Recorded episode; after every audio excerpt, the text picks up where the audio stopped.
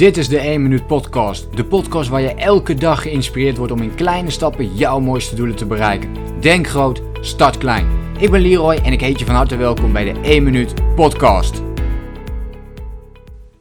Motivatie, het is een uh, mooi woord en het is uh, tegelijkertijd iets waar we allemaal wel eens mee struggelen. En we hebben niet altijd motivatie. En dat hoeft ook niet. En motivatie is afhankelijk van onze gevoelens. En ja, we kunnen niet altijd positieve gevoelens hebben. Soms hebben we gewoon een klote dag ertussen zitten. En dan gaat het erom, hoe ga je daar eigenlijk mee om?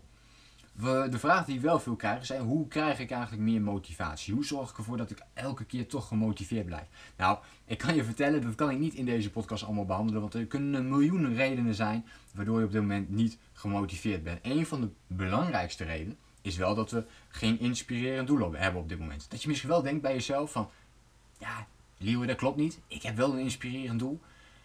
Maar je luistert toch naar deze podcast, dus blijkbaar is er iets waardoor je toch niet helemaal die motivatie hebt op dit moment. Dat is een, dat is, dat is, dat is een feit. Je luistert hierna, je zag in de titel staan hey, de, drie, twee krachtigste technieken voor meer motivatie. En je dacht, hey, nou, maar ik kan eigenlijk wel meer motivatie gebruiken. Anders zou je er niet naar kijken. Dus ergens heb je die trigger al gekregen. Of je luistert natuurlijk gewoon dagelijks naar mijn podcast om jezelf te laten inspireren. Dat kan ook nog. Maar in feite is dit gewoon heel erg interessant om eens te bekijken. Van oké, hoe kan ik eigenlijk nou meer motivatie krijgen? En ik ben erachter gekomen, er zijn eigenlijk twee facetten. Hè. Nou, ik ben erachter gekomen, weet je, heel veel coaches uh, benoemen dit ook wel. Uh, het wordt ook wel vaak het pain and pleasure principe genoemd. En uh, dit staat gelijk aan hè, het pijn en plezier. ja, het pijn en plezier principe. De twee technieken noem ik die. Pijn en plezier. We kunnen gemotiveerd worden vanuit pijn en we kunnen gemotiveerd worden vanuit plezier. Laten we eens beginnen bij het begin. Hoe kunnen we ervoor zorgen dat we dan gemotiveerd blijven? Nou, als allereerste moeten we een doel stellen. We moeten weten, wat willen we gaan doen? Uh, wat wil jij gaan doen? Wat is je belangrijkste doel? Waar wil je naartoe?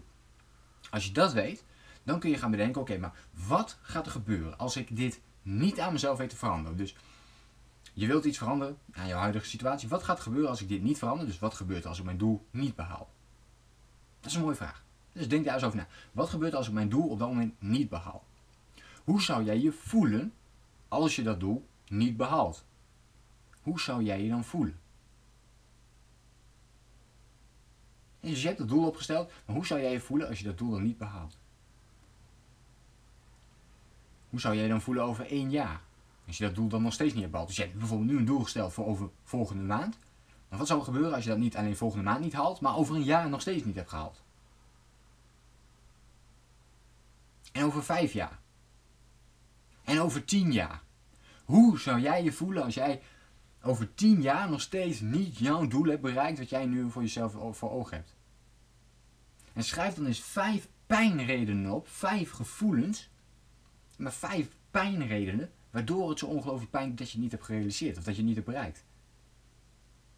En als je nu in de situatie bent om dit nu te gaan doen, doe het dan nu. Oké, Stel jezelf de vraag, wat is mijn belangrijkste doel? En wat gaat er gebeuren als ik dat niet uh, heb gedaan? Dus wat is mijn belangrijkste doel?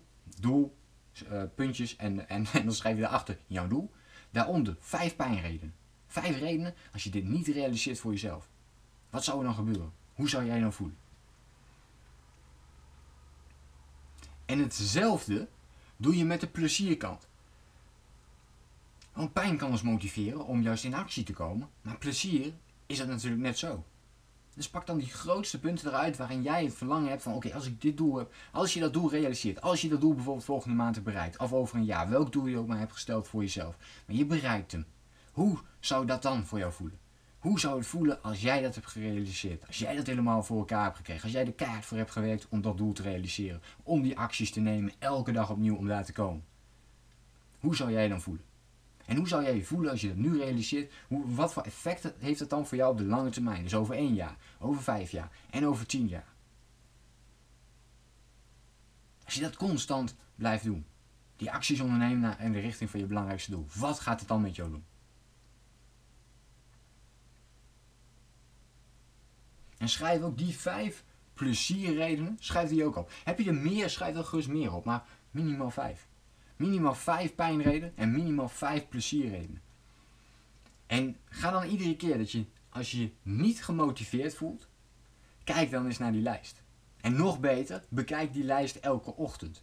Bekijk die lijst elke ochtend. Kijk ernaar. Neem het in je op. Wat gaat er gebeuren als ik die vijf dingen. ehm, dus als ik, als ik nu niet in actie kom, als ik nu niks doe.